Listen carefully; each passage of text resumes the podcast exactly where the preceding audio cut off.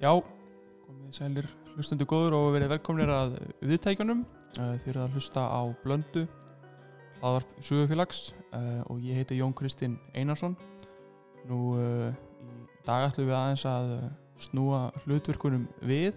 Við Markus erum yfirleitt hér í spyrla hlutverki en í dag ætla ég að í raun og veru að taka viðtal við Markus um já, lokaverkefni sem hann skrifaði í til meistaraprófs í láða og fréttamennsku sem að fjallaði einmitt um og, og var í rauninni verkefnið blanda hlaðarp sögufélags við ætlum að aðeins að ræða um tilur hlaðarpsins og svona uh, hlaðvarp og útvarp og, og, og miðlunulegðir á 2001. öld á sagfræði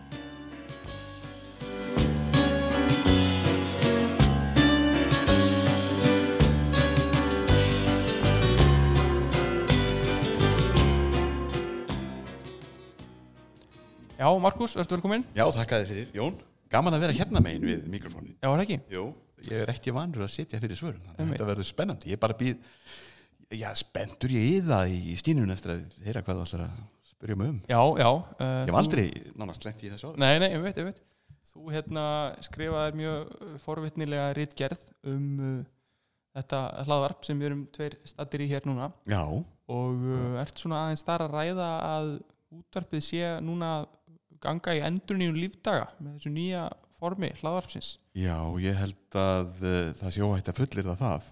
Útvarp er mjög spennandi miðill. Útvarp er leikhús hugans. Útvarp er á marganhátt skemmtilegasta miðlunarleið veraldar að mínum að að minnsta kosti vegna þess að uh, þú getur umverulega látið uh, hlustandanum líða eins og hann sé stattur nánast hvar sem er og hvenar sem er. Uh, það eru töfrar sem að raunverulega fáir aðrir miðlar geta beitt sem að hægt að gera í gegnum útvarpið. Uh, það er að telja fólki trúum það að, og við getum það að, til dæmis látið fólk ímynda sér að við sitjum bara á sólardekki á farþegarskipi að spjalla saman. Ef við værum nógu flinkir með tæknina og byggjum hér til kannski máagarg og öldu nið í kringum okkur þá getum við gert það bara gegn útvarpa því að fólk sér ekkert. Þetta er skilningavitið, það er, það er eirun sem að nema og, og svo ímyndanaflið sem býr til aðstæðunar sem að útvarpið skapar. Eh, það er til fræg saga. Jón, þú nábyggir að heyrta hann einhvern tíman um uh, þegar að Orson nokkur Wells setti upp leikrit byggt á skáldsögu H.G. Wells um innrásina frá Mars. War of the Worlds einhvern tíman, eh, ef ég maður rétt á fjóraða áratug síðust aldar ég held reyndar að sé búið að íkja viðbröðin svolítið í, í sögubókum og það má líka alveg búist í því að, að blöð þess samtíma hafi líka íkt upp viðbröðin við innrásinni frá Mars að það hafi myndast uh, bara heljar skelving út um öll bandaríki við útsendingu á þessu leikriti uh, og að fólk hafi trúað í raunverulega að geimverur væri að ráðast á jörðina. Uh, en með því að nota töfra útvarpsins þá var allavega hægt að enn búa til þetta þessa ímynd að það væri jafnvel einhverjar geimverur að ráðast á okkur Uh, þá var auðvitað löngu fyrir tíma internets og, og þess að fólk gett nú bara farið og googlað og kannan hvort að þessar geimverur væri nokkuð að koma. En, en með þarna gerði Orson Welles það sem hann hefði ekki geta gert eins auðvöldlega til dæmis með kvíngmyndatækninni því það hafði þurft að setja upp svo mikið af alls konar dóti sem að hefði nú kannski ekki orðið trúverðugt en í gegnum útvarpið var þetta að gera. Innrásina var mjög trúverðuga. Einmitt og, og þetta er kannski eitthvað sem að sagfræðin sérstaklega getur greitt mikið á. Heldur betur. Og það er eiginlega svolítið sorglegt hvað sagfræðin og uh, þeir sem að er að segja sögur hafa lítt nýtt sér útvarpið. Uh, reyndar var það nú þannig til dæmis þegar Ríkis útvarpið var stopnað á sínu tíma sem var önnur eða þriðja útvarstöð Íslands uh, tók til starfa 1930 og er því nýrætt á þessu ári.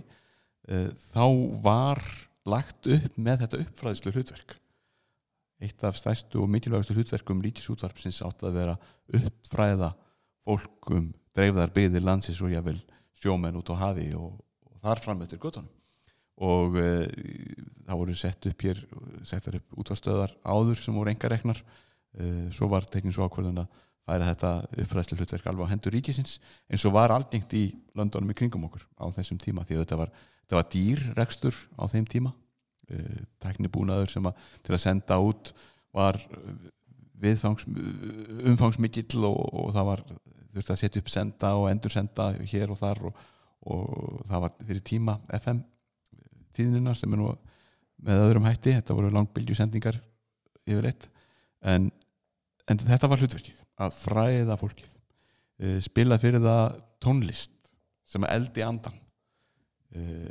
spila verk gömlu meistarana Mozart og Beethoven og Liszt og Bach.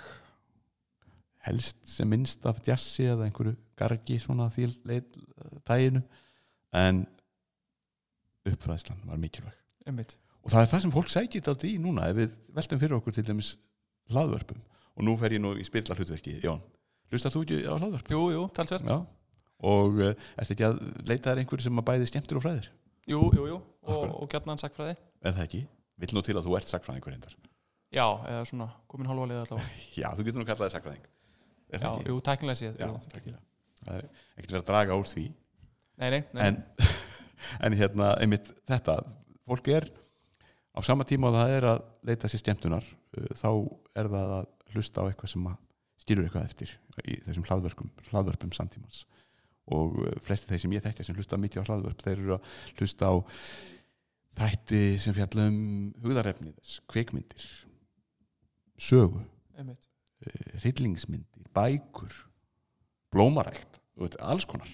Akkurat. Og hlaðvörp eru ég vel betur til þess fallin að sinna þessu uppfræðslu hlutverki vegna þess að það er kannski að fara segja, meira á dýftina, það er engin tímamörk. Engin tímamörk.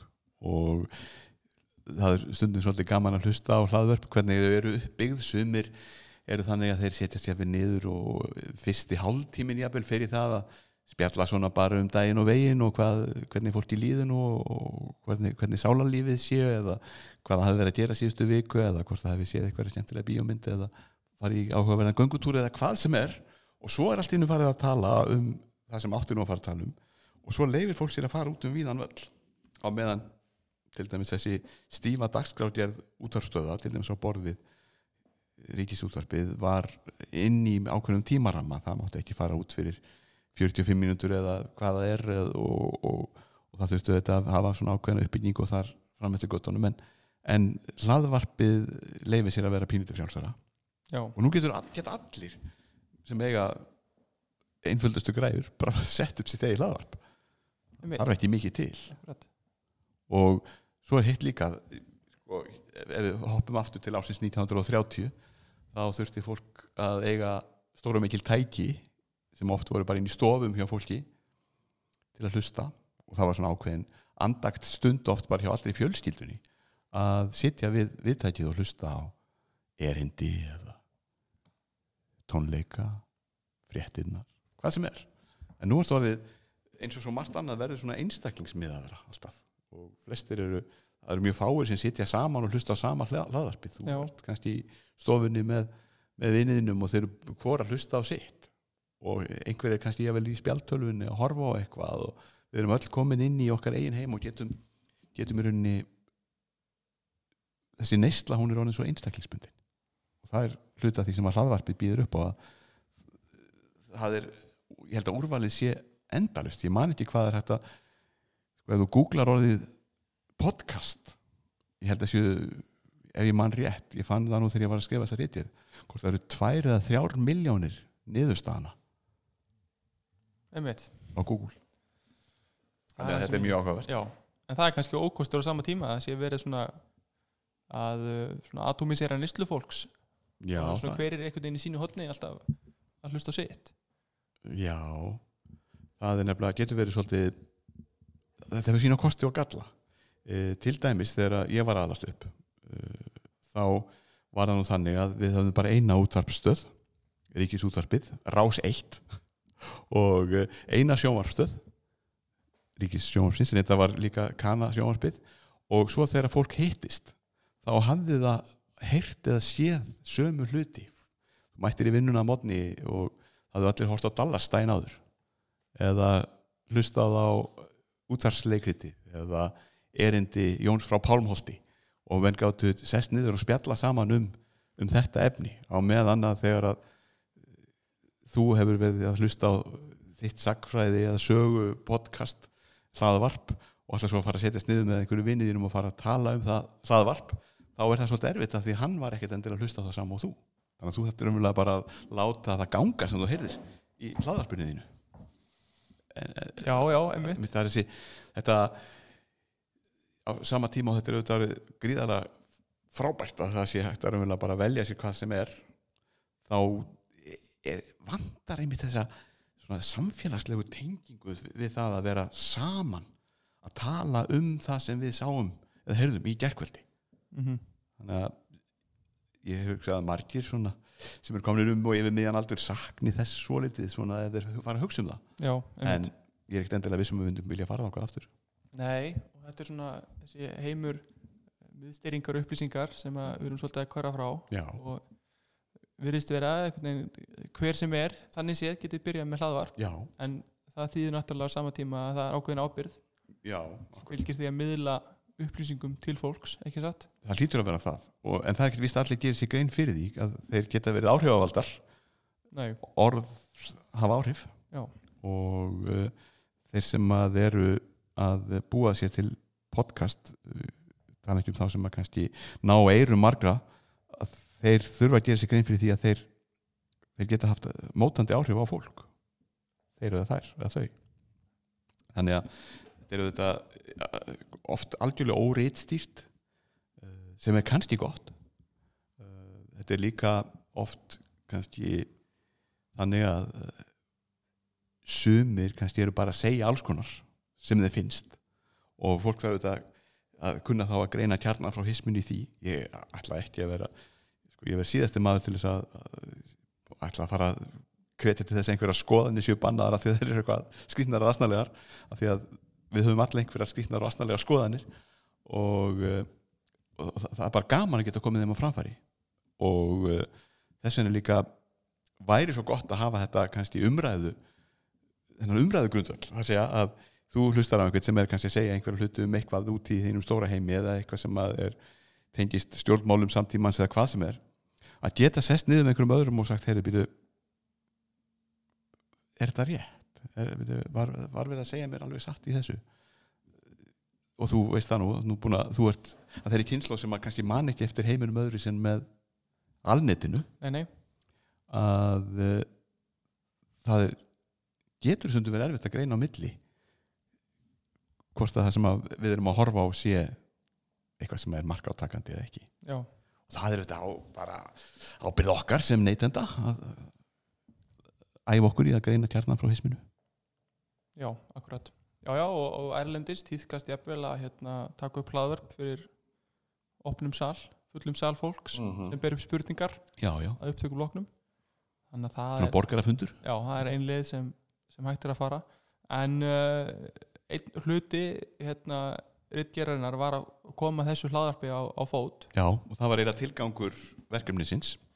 Það var lokaverkefni í bláðafréttamennsku og uh, ákvaða að taka þetta svona í framhald af því að meðan ég var að skrifa meistararítjarnina mín í sakfræði fyrir þremur árum þá tók ég diplómu í fjölmið og bóðskiptafræði og fannst nú bara tilvalið að bæta við þá diplómu og klára eina meistaragráði viðbútt og uh, það kviknaði svo hugmynd uh, fljótlega hér innan sögufélags, það sem ég seti í stjórn að uh, koma á fót hlaðarpi fólk var fara að sjá þetta. Uh, þetta var orðið út um allt og, annar hver maður og amans og amma voru að hlusta á eða búa til hlaðvörp og af hverju ekki sögufélag. Og uh, við fórum að leggja grunninn að því og, og uh, var bara þjóður á að gera það bara að, að lokaverkefni líka. Eh, þannig að ég sló þarna tvær flugur í einu höggi tvær flugur á sama höfuð eins og maðurinn sagði. Og uh, tilvarð með fulltíngi stjórna sögufélags þetta hlaðvarp eh, sem að heitir Blanda. Og við vorum svolítið að velta fyrir okkur hvað barnið ætti nú að heita.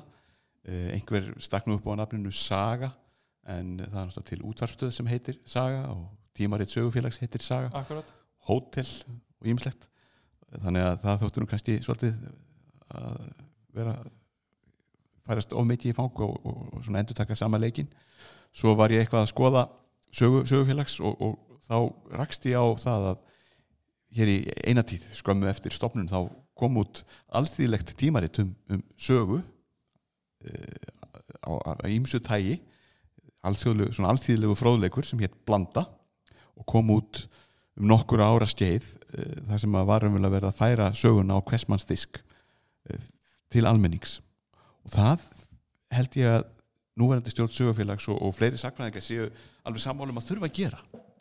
Að sagan á ekki bara að eiga heima í einhver samtali milli sprenglæriðara sakfræðinga heldur skiptur hún almenning líka miklu máli. Og kannski ekki síst á þessum síðustu tímum þessar, það sem er kallað upplýsinga og óreiða er það ekki, orð sem er mikið notað núna að þekkja söguna. Því ef þú þekkja söguna þá er auðveldur að stilja samtíman og uh, þess vegna held ég að það sé mjög spennandi að sögufélag fari og feti þessar slóðir að koma á lakirna þessu hlaðvarpi til þess að uh, setja söguna aftur á hvers manns disk eins og þeir ætlaðu að gera þarna með blöndu á sínum tíma sem hægt að koma út einhvern tíma rétt fyrir, fyrir 1950 Já, einmitt. Já, og Blanda var hérna alveg frábær tímaritt og er aðgengilega tímaritt.is fyrir Já. það sem hafa áhuga á því ef aðeins svona skoða, þetta er mjög skemmtilegt svona aðeins uh, öðru vísi, sagfræði heldur er tíðkuð í dag, mikið verið að byrta uh, svona skjallegar heimildir og, og Já, bara í heilu lagi. Já, Já, já. og hérna með svona kannski smá yngangi uh, en sem sé, mjög skemmtilegt. Og uh, það er kannski aðeins verið að endurvekja það hér, þá stemmingu. Já, og einmitt þessa svona þessi alþýðu sagfræði með sko, fullir vinningu fyrir því orði. Sagfræði fyrir almenning. Já, því að uh, sagan er svo spennandi og hún er auðvitað að gerast á hverju augnabliki og uh, eins og postbótinni þeirri vinnar okkar segja sko, að það er svo erfitt að koma þessu í eitthvað skiljanlegt form. Mm þannig að við erum svolítið föst í, í hvernig við orðum þetta allt saman. Já, því að við þurfum kannski ofta að setja risastóran veruleika í örfa orð til þess að gera. Akkurat. Og orðin geta miskilist og, og, og þetta verður bara alltaf að vanda sig. En ég held að það sé mitt svo spennandi að fólk fái að snerta á sögunni og þú þekki það nú að því að þú hlustar á sakfræðileg hlaðvörp að þetta er eitthvað það vinsælast á, á hlaðvarsmarkaðunum, er það ekki? já, já, og fólk hefur áhuga, fólk vill hlusta á sagfræði en Já. erlend saga hefur svolítið verið ráðandi, Mm finnst mér allavega á þessu markaði Já, en er hún svo risavaksinn það er svo, það er svo mörg að taka. Já, já, já, já, og við vonum að hér kannski fá Íslandsagan svolítið að láta ljósitt skína öðru hverju allavega. Já, hún verður hér mjög ofalega á baugi og, og hún er líka margslungin og spennandi og fullt af hlutum sem eru ennþá óleistir þarna úti og það er verið að gefa út nýjar bækur um sem varpa kannski öðru og, og, og ferskara ljósi á alls konar hluti sem við heldum að við væri kannski með einum hætti en við erum svo smá sem að komast að það er einhvern veginn allt öðruvísi og það er kannski það sem við ætlum að gera í þessu hlaðvarpi, hlaðvarpi sögufélags blöndu. Við ætlum að setjast niður af og til og spjalla við fólk eða spjalla saman. Svo eh, ætlar, ætlar fleiri sakfræðingar að vera með okkur í þessu og, og ég vil að fara í að kafa í svona einstakka þætti sakfræðinar Eh, ég vil að skoða mistara eða, eða bjarritgerðir, ég vil doktorsritgerðir sem að oft fá þau örlög bara að liggja inn á bókasöfnum, rafrænum eða, eða, eða í, í raunheimum á þess að nokkur gluggi í verk sem hefur verið lagður blóð, sviti og tár í að klára. Og ágætt að koma þeim jafnvel á framfæri og benda á einhver svona verk sem að, sem að leitja hann úti e, fáum til gags þannig að koma sögunni allir eins og hún leggur sig bara í aftur segja það á, á hvers manns disk. Þannig að hver einasta mannestja á, á Íslandi geti notið sögunar svo er önnur svona ætlun þessa þáttar ekki satt að vera svolítið í samtali við uh, líðandi stund. Jú, og endur spekla og spekla spekla samtíman í fortíðinni. Já. af hverju eru við af hverju er, eh, eru stjórnmálin eins og þau eru? Eh, af hverju höldum við upp á fyrsta desember? Af hverju höldum við jólinháttíleg við getum við tekið alls konar svona hluti og einmitt þetta að endur spekla og skoða samtíman og kafa svolítið í hann og af hverju, eru hlutinir eins og eru? Bæði hér heima og jafnvel erlendis líka. Og fáum til okkar einhverja spennandi fræðimenn sem að geta sagt okkur góðar og spennandi sögur og, og jafnvel deilt með okkur rannsóknum sínum á, á bæði á samtíma og fortíð. Akkurat. Þegar stór mál koma upp, stór hrettamál, það er gott að geta haft vettvang til þess að fara aðeins á dýftina Já. og hérna skiknast á bakvið uh, það sem já, það sem liggur á bakvið sem er á algjörlega. segði og þú hefur til þess verið yðin við það og, og þið hér á skrifstofu sögufélags að uh, láta vefsíðu og, og ég tala ekki um Facebook síðu félagsins vera svolítið lifandi með að þessu leiti ef það er eitthvað spennandi að gerast í samfélaginu að þá finna einhverja samsvörun úr fortíðinni og jáfnvel eh, ástæður þess að eitthvað er að gerast í dag og deila því svo inn á, inn á samfélagsmiðlun. Og það er líka það sem er orðið svo spennandi við miðlununa þetta er svo margslungið. Við erum með vefsíðu þar getum við verið með eitthvað sem að dýfkar jáfnvel umræðuna um það sem við verið að segja í podcastinu í hlaðvarpinu. Og svo eh, hægt að deila því yfir á samfélagsmiðlana og uh, svo getur jáfnvel almenningur, fólk sem er, er, er að hlusta að lesa tekið þátt í samtalinu. Það er líka svo spennandi og það er kannski svo við horfum nú aftur, aftur til ásins 1930 og, eiginlega alveg fram til 1986 eða 83 uh, þá átti fólk litla möguleika á því að vera með í samtalinu.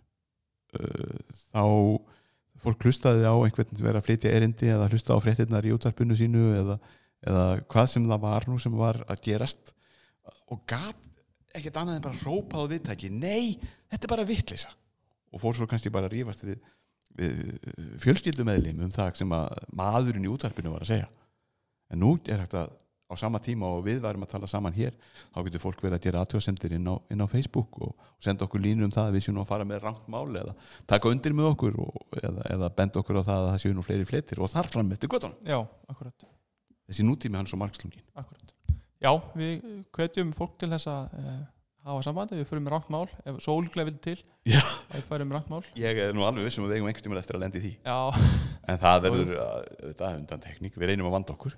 akkurat En uh, ég eh, væri líka svolítið skemmtilegt ef við myndum hvetja almenning hérna úti að þau sem að vilja hlusta á okkur að senda okkur jáfnvel tillögur að umræðöfnum. já, það er alveg bráðsniðut það er það er bara svo gaman þegar fólk tekur þátt í þessu. Og þetta á á að vera fyrir hlustandan ekki bara fyrir okkur. Þá sé Akkurat. gaman að sitja hérna og spjalla saman. Akkurat og það má senda annarkvort skilabóð sögufélag á Facebook já, eða á sögufélag sögufélag.is eða bara á eh, Markus eða mig eða hvað sem er. Og það eru bara samfélagsmiðlarnir sem, að- sem að gilda í því.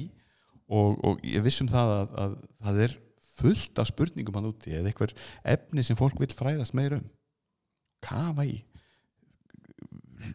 Einhver glæpamál jáfnvel, þau eru sagfræði þau eru hluta af sögunni. Uh, eitthvað sem að fólk skilur kannski ekki að áttar sig ekki á af hverju gerðist. Af hverju gekk Ísland í NATO hvers vegna var uh, ákveðið að hafa hér forseta en ekki kong uh, hvað gerðist árið 1809 var gamli sáttmáli skrifaður á þeim tíma sem við höldum hann hafi verið skrifaður en einhverjum allt öðrum tíma? Var landnám á Íslandi 874 bara komið menn hérna klukkan 9.30 24. júli árið 874 Hörru, já, hérna er Ísland og við ætlum að búa hér nei, hlutinir eru flóknar en það. Akkurat. Akkurat, já. en já, e, e, þetta er svo spennandi. Þetta er svo spennandi vettvangur. Einmitt, já, það, hann er það svo sannlega og við hlökkum til að hérna ræða þessar spurningar og, og fleira á komandi vikum og mánuðum. Og árum. Og árum, og áratugum.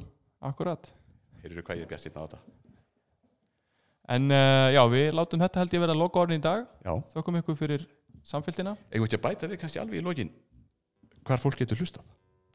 Jú, það verður á vefsíðin okkar sögufélag. Sögufélag.is skástríkt banda.